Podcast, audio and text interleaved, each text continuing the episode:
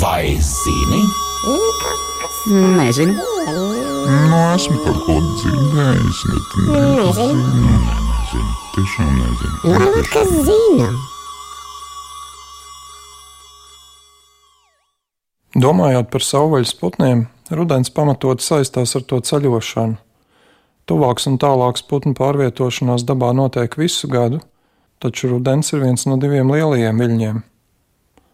Vēl viena mazāk zināma un retāk pamanāma izpausme rudenī ir putnu dziesmas. Tās atskan no jauna pat pēc dažus mēnešus ilga pārtraukuma.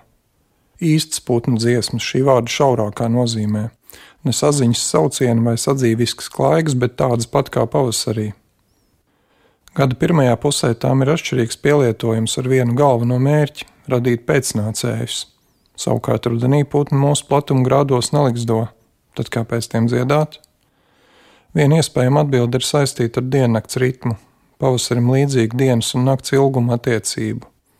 Gaismas apstākļi ir viens no hormonu līmeņa paaugstinātājiem, un līdz ar to iekšējiem signāliem, kas vedina putnus dziedāt.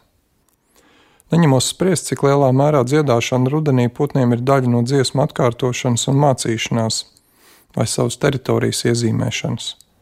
Tā vai citādi, saulainās septembra un oktobra dienās reizēm var dzirdēt šķietam gada laikus sajaukušu putnu dziesmas, piemēram, Melno Eritskiņu pilsētā vai Čunčiņu mežā.